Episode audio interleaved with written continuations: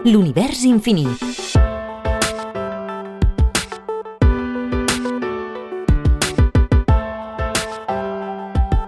Agrupació Astronòmica de Sabadell. Louise Dupierre, la primera professora de la Sorbonne de París. L'astrònoma Louise Elisabeth Dupierre va centrar la seva recerca principalment a l'astronomia posicional i, a més, va ser la primera professora d'astronomia a la Sorbonne de París. Va néixer l'any 1746 a la Ferté-Bernat, França. No hem trobat gaire informació sobre els seus pares i família. Va estudiar Ciències Naturals. L'any 1779, després d'una reunió amb Jérôme Lalande, va iniciar els seus estudis en astronomia amb ell.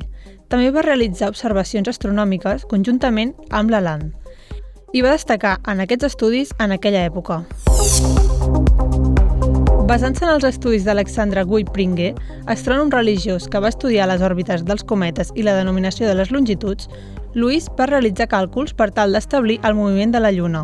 Va calcular les efemèrides d'eclipsis i la durada del dia i de la nit a la latitud de Béziers. També va establir taules correctes de refracció en l'ascensió i declinació per aquella latitud.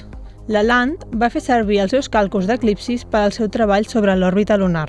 Tots aquests treballs li van valdre per succeir la senyora Nicole Lepot com a membre de l'Acadèmia de Ciències Béziers al 1788.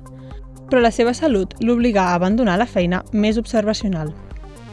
Un any més tard es va convertir en la primera professora de la Universitat de la Sorbonne de París com a directora del curs d'astronomia per a estudiants femenines. Va ser la primera classe orientada a les dones.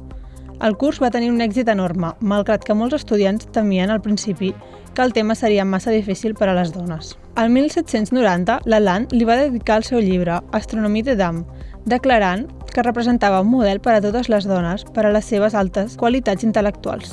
També va escriure una taula alfabètica i analítica de les matèries contingudes als 10 volums de Sistema del Coneixement Químic, publicat al 1799.